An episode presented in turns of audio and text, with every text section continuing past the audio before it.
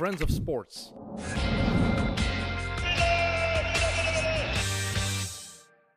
Welkom bij Mit Mit Binnen, uh, de vierde aflevering inmiddels, als ik me niet vergis. Met vandaag Vadis Ojija. Welkom Vadis. Dank u, dank u. Uh, ken je het principe al, uh, Vadis? ik heb één aflevering gezien, dus okay. ik wil wel een klein beetje. Oké, okay. het is niet veranderd. Dus we gaan het niet over corona hebben, niet over de actualiteit, over de liefde voor het spelletje. de eerste vraag die we altijd stellen aan onze, aan onze speler of aan onze gast is: ehm, van wie was je eerste shirt? Uh, ja, als uh, kleine jongen had ik wel een paar shirts. Maar het eerste echte shirt van een professionele voetballer die ik had, was zeg maar een wedstrijd tussen Anderlecht en Inter Milaan. En daar zat Andy van der Meijden op de bank. En wij waren ballenjongens. Dus toen we zeg maar achter de bank langsliepen, zei ik tegen hem uh, een Hollands accent: uh, Andy, mag ik, u, mag ik uw shirt hebben? En hij vroeg aan mij: van, ja, van waar, van waar komt je? Ik zeg ja, van Amsterdam. En hij zei: geen probleem. De wedstrijd was nog bezig en hij smeet gewoon zijn shirt uh, over de omheining. En dat was mijn echt allereerste professionele shirt, zeg maar, dat ik, dat ik gekregen had. Tijdens de match? Ja, het was, ik denk, 70ste minuut of 75ste minuut. Ik denk dat hij ook al uh, geen zin meer had om erin te komen. Of misschien kon het zelf niet. Ik weet niet of dat er drie wissels gebeurd waren. Maar hij smeet gewoon uh, zijn truitje over die glazen wand, zeg maar, die er, die er daar is achter de bank. En uh, ja, ik had, zo had ik mijn eerste shirt. Wel, wel grote mond dan eigenlijk, hè? Als je dat toch durft op dat moment? Ah, je weet, allee, bij die Champions League wedstrijden was, mocht, je, mocht je kiezen om ballenjongen te zijn of niet. En dan, ja, probeerden we ons altijd op te geven om uh, toch die wedstrijd te mogen meemaken. We zaten op internaat, dus anders hadden we toch niks te doen. Dus uh, dan mochten we laat opblijven en naar die wedstrijd, uh, wedstrijd gaan. En ja, na elke wedstrijd probeerden we van alles te, te, te ronselen bij die spelers. Truitjes, pulen, dit en dat. En dan ja, af en toe lukte dat eens. En ja, zo hebben we ook nog tegen Manchester United, Real Madrid, denk ik op dat moment, ja, ja. toch mooie wedstrijden gezien. En ja, voor mij nog een mooi souvenir met het shirt van uh, Andy van der Meijden natuurlijk. Heb je dan ook dat shirt, ja? Ik ben het kwijtgeraakt. Ik ben het kwijtgeraakt. Ja, ik denk dat mijn uh, oudere broer het eens gebruikt heeft of zo en dan in de was opeens kwijtgeraakt. Maar ik heb het wel heel lang gehad. Ik denk mijn 18, 19 uh, heb ik het gehad. Maar iedereen wou toch ballenjongen zijn? Daar werd toch voor gevochten dan? Ja, sowieso. En dan uh, ja, op training uh, vroeg, de, vroeg de ieder, elke ploeg had zijn delegé en uh, die vroeg van ja, wie wil er vanavond naar de match? En dan ja, mocht je jezelf opgeven. Natuurlijk, wij die op internaat zaten, hadden niet veel, niet veel te doen. Dus we werden met een busje naar daar gebracht en mochten we die wedstrijd bijwonen. En ja, voor andere spelers die dan naar huis moesten met mijn ouders, was dat natuurlijk iets moeilijker omdat het altijd laat was en zo. Dus uh, daardoor uh, stonden we wel meestal eerst in de rij om uh, ballenjongen te zijn. Ik weet... Uh... Een goede periode geweest van Anderlecht. Ja, een goede match gezien. Toen was het top, ja. Ik denk zelf gewonnen tegen Manchester United thuis. gelijk of gewonnen tegen Real ook, denk ik. Tegen United, ja. Tegen, tegen Real, tegen Leeds. 4-5-1, hè? Nee? Is die een ja. zware vergoeding? Tegen Lazio. Ja. Mm-hmm. Toen was nog de Champions League met twee groepsfases. Ook. Ja, klopt, klopt, klopt. Ja, dat was een mooie periode. Ik weet dat Dries dat ook uh, altijd deed, zo baljongen zijn. Dan zag je zo'n hele kleine aan die Champions League vlag in het midden. En een van mijn beste vrienden, die speelde toen ook bij Anderlecht in de jeugd. En uh, die wou dat nooit doen. Die vond zich daar, voelde zich daar te goed voor. En die is gewoon profvoetballer geworden. En geen profvoetballer. Dus dat, dat zegt misschien al veel als je dat op dat moment niet wou doen. Ja, voor ons was dat top uh, om dat te doen natuurlijk. Dus uh, we waren altijd heel blij. Dus, ja. Maar wie zat je daar eigenlijk in de, in de ploeg en in de, in de jeugd uh, er zijn uh, niet echt veel spelers die zeg maar, professioneel zijn doorgebroken. Mujangi Bia, die bij Standaard heeft gespeeld en nu in uh, Israël speelt. Hervé Cagé van Kortrijk. Ehm, en dan ja, ja, spelers zoals Sven Kums was een jaartje hoger. Uh, Dries zat daar ook, zat ook bij, bij Sven natuurlijk. Uh, Juri de Kevi. Uh, van, van mijn lichting zijn er eigenlijk niet heel veel. Mike van Hamel, die bij Beerschot in de goal staat. maar niet echt heel veel die, die zijn doorgebroken. Company en Van den Borre die zaten hoger dan één ja, ja. ja, een paar jaar hoger. een paar jaar zelfs. Oké, okay, cool. En internaat, dat, was, ja, dat moest dan waarschijnlijk, want Gent-Anderlecht... Ja, eerste jaar, allez, toen ik bij Anderlecht uh, tekende, uh, heb ik één jaar zeg maar, op en af gereden, samen met mijn vader. En na het werk moest hij dan snel uh, me naar training brengen. En ja, we waren vaak nipt op tijd of juist te laat. En dan tweede jaar zei hij van ja, misschien is het beter dat we op internaat gaan. En ik begon ook juist met de middelbare school. Dus uh, dat was eigenlijk een goed moment om, uh, om ja. op internaat te gaan. En op die moment vonden we dat echt verschrikkelijk en uh, vonden we dat absoluut niet leuk en zo. Maar als je daar nu op terugkijkt, was dat wel echt een leuke periode, zeg maar, om echt elke dag met je vrienden en, en zo te zitten. Dus dat was wel plezant. Ik vond middelbaar, als ik er nu op terugkijk, ook eigenlijk een leuke periode. Terwijl toen vond ik dat ook niet leuk. Ja, dat is altijd, altijd zo, denk ik. Ja.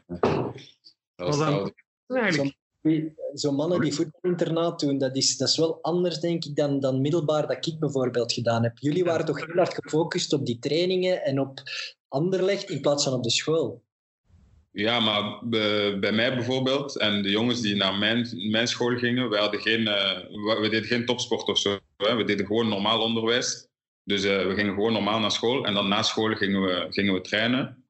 Uh, dus in principe was er eigenlijk uh, ja, was gewoon normaal voor, voor ons. Maar ik had dan wel spelers die zeg maar topsport deden of, zo. En die hadden wel training dan met, de, met school. Um, maar nadien is dat wel sterk geëvolueerd. En dan uh, denk ik een paar jaar na mij zijn de spelers die dan ook naar mijn school gingen, uh, Sint-Niklaas Instituut, die uh, dan ook trainingen begonnen krijgen tijdens de lesuren en zo. En uh, toen werd er zelf iets van Purple Talents en zo opgericht, dat al die spelers daar konden trainen tijdens de lesuren en zo. Dus. Maar in mijn tijd was dat helemaal niet het geval. Dat was gewoon normaal les volgen en dan uh, ja, na, de, na de les nog gaan trainen. In Leuven had je de topsportschool waar De Voer, Dries, Dennis Odoi die zaten dan. En dan kwamen er van verschillende clubs gewoon busjes ja. doorrijden. Ja, ja als, je bij, als je bij de jeugd zeg maar, in de nationale ploeg zat, bij de jeugdreeksen, dan werd daar niet, allez, je werd er niet tot gedwongen, maar werd u wel aangeraden om dat te doen en dit en dat. Dus, maar ja, mijn ouders wouden, wouden dat absoluut niet en ik moest zeg maar uh, normaal diploma ja, Het is toch bewezen, bewezen dat het kan, hè? Ja, sowieso. En, en, ik denk dat er heel veel spelers zijn die gewoon een diploma hebben behaald en uh, niet zeg maar topsport of dit of dat hebben gedaan. Maar andersom is ook zo dat veel spelers die wel topsport hebben gedaan, professioneel uh, voetballer zijn geworden en ook een diploma hebben. Dus beide wegen is uh, leiden naar Rome. mooi. Mooi, mooi. Gestudeerd, hè? uh, en een volgende vraag die we altijd stellen is: wie wou je als kind zijn? Als, alleen, naar wie keek je echt op als voetballer? Wie was het grote voorbeeld? Ja, voor mijn grote voorbeeld was wel uh, Zidane natuurlijk. Ik denk, uh, ja, als ik zo 11, 12 begon te worden, begon ik echt heel geïnteresseerd te zijn in voetbal en beter dingen te kunnen analyseren en zo.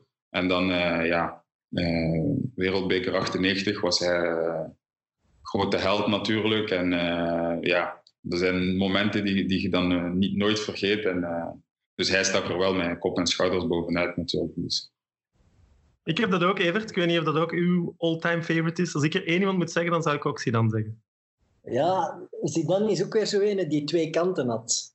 Die was fenomenaal goed, maar die had ook wel een beetje zo, ja, zijn agressiviteitsprobleem. Die heeft best wel veel rode kaarten gepakt ook. Dus dat is, die had iets geniaal. En als je geniaal bent, zet je dat blijkbaar aan de twee kanten. Hij kwam van de straat en hij is dat nooit vergeten. Dat ja, is ja, zo kun je het ook zeggen. Dat is waar. dat, is waar. dat is eigenlijk letterlijk waar. Toch? Ik herinner me bij Juventus, een van de smerigste rode kaarten, er gebeurt een fout. Ik denk zelfs op Edgar Davids of zo. En ja, het spel ligt stil en die gaat gewoon op die speler af. En die, ik weet niet meer wat hij deed, maar echt een schandalige overtreding. Ook lange schorsing voor gekregen, ja, zonder problemen. Nee, ja, er zijn, uh, er zijn dingen die, die erbij horen, denk ik. Hè? Zoals, zo, zoals uh, Evert zegt, geniaal langs, langs beide kanten. En ik denk dat iedereen dat nu ook een beetje opblaast door zijn laatste wedstrijd die hij dan gespeeld heeft en dan ook uh, op die manier zeg maar uit het voetbal ging. Maar langs de andere kant ja, heeft hij zoveel mooie dingen gedaan en zoveel bereikt ook in, in het voetbal. En ook nu als trainer ehm, is ja, echt spectaculair wat, wat, wat hij doet. Dus ehm, ja, het is en blijft een, een grote meneer. Ja. Dat is wel inderdaad, als je zo je carrière afsluit, dat vergeet niemand. Hè. Nee. Mm. Vergeet laatste niemand. seconde van die het voetbalveld zijn een kopstoot en Materazzi. En, en voorbij de wereldbeker stappen, dat zijn de laatste ja, seconden van zijn Ik denk, ik carrière. denk dat het alleen voor Zidane is weggelegd. Ik denk niet dat we andere voetballers op gedachten moeten brengen, want ik denk dat het echt wel eh, geniaal moet zijn om, zodat mensen u, u zouden vergeven en u zeg maar, eh, daarover stappen. Maar ja, het is, eh, het is spijtig dat het zo is moeten eindigen, maar Het is, het is ook opvallend. Ja, is waar. Ja, maar vinden we dat spijtig? Want ik, ik, in het begin, de eerste dagen, vond ik dat super jammer. Maar dan daarna, als je leest, het gaat over zo'n eergevoel. Die zegt gewoon van, ja, ik, maak, ik moet die wereldbeker niet hebben. Je, je pakt mijn moeder of mijn, mijn eh, Zus, hè. Ik laat dat niet zeggen. Ik laat dat niet passeren. Ik wil hem niet winnen en dat laten passeren. Dus ik, ik vind Ja, dat ja. wel ook... Heb jij een zus, Ik denk ook vader? het feit dat ze aan het verliezen waren, dat ook heeft meegespeeld natuurlijk. Want als ze... Nee, nee. We waren niet aan het verliezen. was gelijk. Dat is een, dat is een goede quizvraag. Was het Welke minuut pakt hij rood? Ik weet het Welke niet. minuut? Dat is, dat is echt... Iedereen zegt dat mis. Ik denk naar het einde, bon, tussen de zes- 65, 75ste minuut zo. Dat is wat de meeste mensen zeggen, maar dat is dus mis. Wat is dat? Eerste elftal? Nog een goksken of Ja, eerste helft, veertigste minuut. 110e minuut. Ja, oké. Ah. Maar waren ze niet aan het verliezen? Ze waren al aan het verliezen, hè? Dus het is echt helemaal op. Nee, nee, 1-1. Gelijk, ja. De- Als ik me niet vergis, is er in die verlenging niet gescoord. Nee. Nee. Maar als u... Als u als- Zeven als is die penalty dat ze via de lat binnenvalt. Materazzi, uitstekend ook Materazzi eigenlijk, maakte 1-1. En dan echt, dat was nog, het was nog acht minuten of zo te spelen, denk ik, tien minuten. En dan, dan pakt hij eruit. Ik vind wel als iemand iets heel smerig over uw zus zegt, ja, dan, dan kan dat nog wel te rechtvaardigen zijn, een kopstoot. ja, ik, ik weet het niet, hè. Ik weet het ook niet. maar Trouwens, eh, als trainer heeft hij dat wel helemaal niet. En dat is wel raar. Als trainer is hij super kalm. Ja, maar ik denk, over het algemeen was hij wel rustig als speler. Alleen, eh, ja, soms, soms waren er van die momenten dat het licht even uitging. Maar over het algemeen was hij vrij rustig, denk ik dus. Ja. En eh, als trainer, eh, verbaal was hij nooit super sterk of super eh, uit de bocht gaan. En nu is trainer, ja, je staat niet meer op een veld, dus het is niet meer echt van in een box te geven. Of... Nee, inderdaad. ik, heb hem, ik heb hem ontmoet in, eh, in, eh, in Real, toen we tegen Real moesten spelen. En hij was echt super, eh, super relaxed, vriendelijk ook. Dus eh, ik was echt eh, zeg maar, eh, blij dat ik, hem, eh, dat ik hem zag. En eh, hij wou ook onmiddellijk een foto nemen en zo. En dan de dag nadien moesten we tegen elkaar spelen. Dus Leuk. Eh, wie speelde je toen? eh? bij Legia Wars- Warschau. Dus- We moesten de Champions League spelen. Je hebt nog gescoord tegen Real Madrid toen, toch? Ja, terugwedstrijd. Op Real Madrid tegen de paal, helaas. Dus Dus jij hebt gescoord tegen Real van Zidane. ja, inderdaad. Ja, ja, ja. Dat is Ja. wel cool. Dat kunnen er niet veel zeggen. Dat is waar. Nog, een- nog een ander quizvraagje over uh, Zidane. Oei, Zijn. Champions League finale tegen Leverkusen. Die kennen we allemaal, de fameuze goal ook. Eerst een gemakkelijke misschien. Wie, van wie kwam de pas? Roberto Carlos? Juist. Een leuk weetje daarover. Die wijkt niet af. Mensen denken dat hij op het been, want die gaat super hoog. Hè? Die, die, die knalt die gewoon de lucht in. Echt zot. En wie maakte die eerste goal van Real? De eerste. maakte 1-2. Eh, Raoul of zo? Mooi. Evert Ja. toch, hij houdt toch zijn eer oog, hè? Ik dacht ook, maar aangezien dat je die vraag stelde, dacht ik van ja, dat is een strikvraag. Ja. Dus eh, Nee, het was een eh, neutrale vraag, omdat ik het zelf niet wist toen ik het zag. Eh, Ja. voilà. Eh, de derde vraag die we altijd stellen is: eh, welke match in je carrière, als je nu terugkijkt, dat het meeste druk op stond? Of dat je het meeste stress voor voelde? goh, ik denk, eh, nu heb ik ja, vrij weinig stress voor, voor wedstrijden. Ook heel belangrijke wedstrijden heb ik eh, vrij weinig stress voor. Maar één wedstrijd die, die, die echt wel voor stress eh, gezorgd heeft, is ja, toevallig opnieuw tegen Real Madrid. Eh, ik was 17 jaar en ehm, we speelden een soort van gala-wedstrijd op Real Madrid. En ja, ik, mocht, ik mocht meedoen. Ik stond in de, in de basis. En we speelden ja, tegen Van Nistelrooy, Roberto Carlos, Beckham speelde mee. Dus ja, als 17-jarige die, die, die, van, die nog op de schoolbanken zit, in die opwarming denk ik dat ik geen enkele bal goed geraakt heb. En dat was echt, van echt te trillen, zeg maar. En dan, ja, eens de wedstrijd begon, ging het wel beter en was het oké. maar tijdens de opwerking was het wel echt indrukwekkend. En ja, gewoon het stadion vol met mensen en zo. Dus Bernabeu is toch echt een van de indrukwekkendste stadions om mee te maken in het, ja. En dan bedoel ik niet eens qua sfeer, want dat zullen nog zotter zijn. Maar dat gaat zo hoog en dat, is, ja, dat, ja, mm. gaat niet zo langzaam omhoog. Dat is, dat is echt gewoon... Ja. Nee, ja. Het is een uh, heel, heel imposant stadion. Ik vind van Barcelona ook wel uh, heel speciaal, omdat er dan geen dak zeg maar, uh, boven is, aan de, aan de zijkant zo. En achter de golen. Dus dat was wel uh, ja, heel spectaculair om in die stadions te spelen. Je hebt toch een shirtje gewisseld met die gala-match? Nee, ik denk... Nee, ik heb geen... Van die wedstrijd heb ik geen, geen shirt, nee. Je zegt niet dat je het toen niet durfde, hè?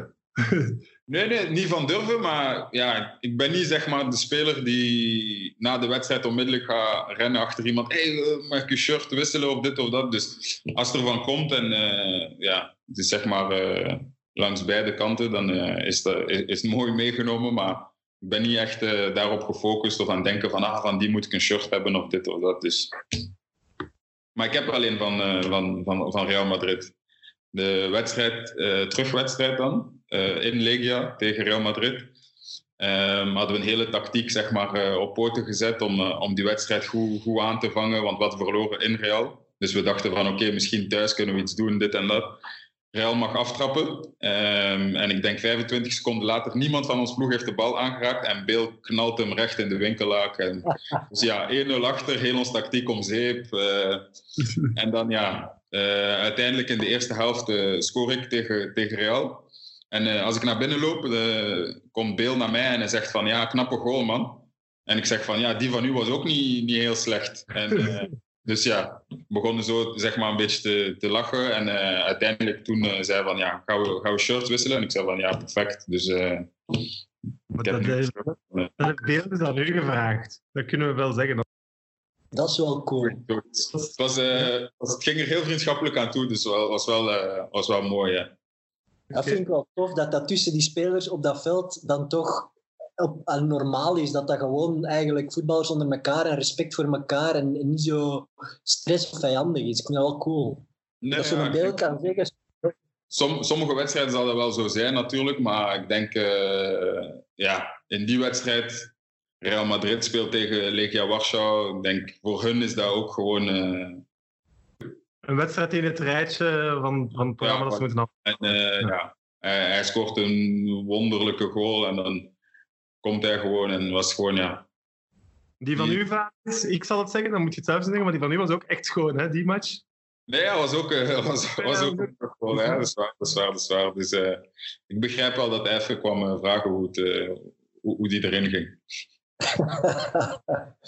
Misschien als ik de laatste vraag mag stellen als tip voor zo de, de, fans die voetbalstadions doen en daarom niet altijd de bekendste doen, is uh, hoe is Legia? Ja, het is uh, echt een gekke huis. Een van de ja, beste sferen die ik al uh, heb meegemaakt in, in een stadion.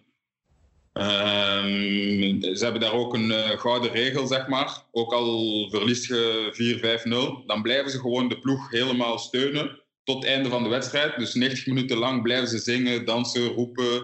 Alles voor de, ploeg, voor de ploeg. En dan zeg maar, als je verloren hebt, dan moet je wel voor de spionkop gaan staan. En dan, ja, smijten ze verwensingen naar je hoofd en uh, dat soort dingen. Omdat ze 90 minuten hebben gezongen voor u. Maar wat, wat normaal is, toch? Ik denk... Uh, Verdedigbaar, ja. Ja.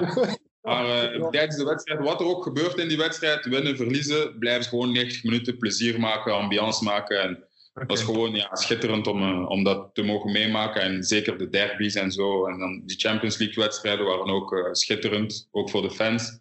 Altijd heel mooie tyfo's en zo. En, uh, ja, dus ja, ja, dat is echt chapeau en schitterend daar. Nog geen verbod op Bengaals vuurwerk?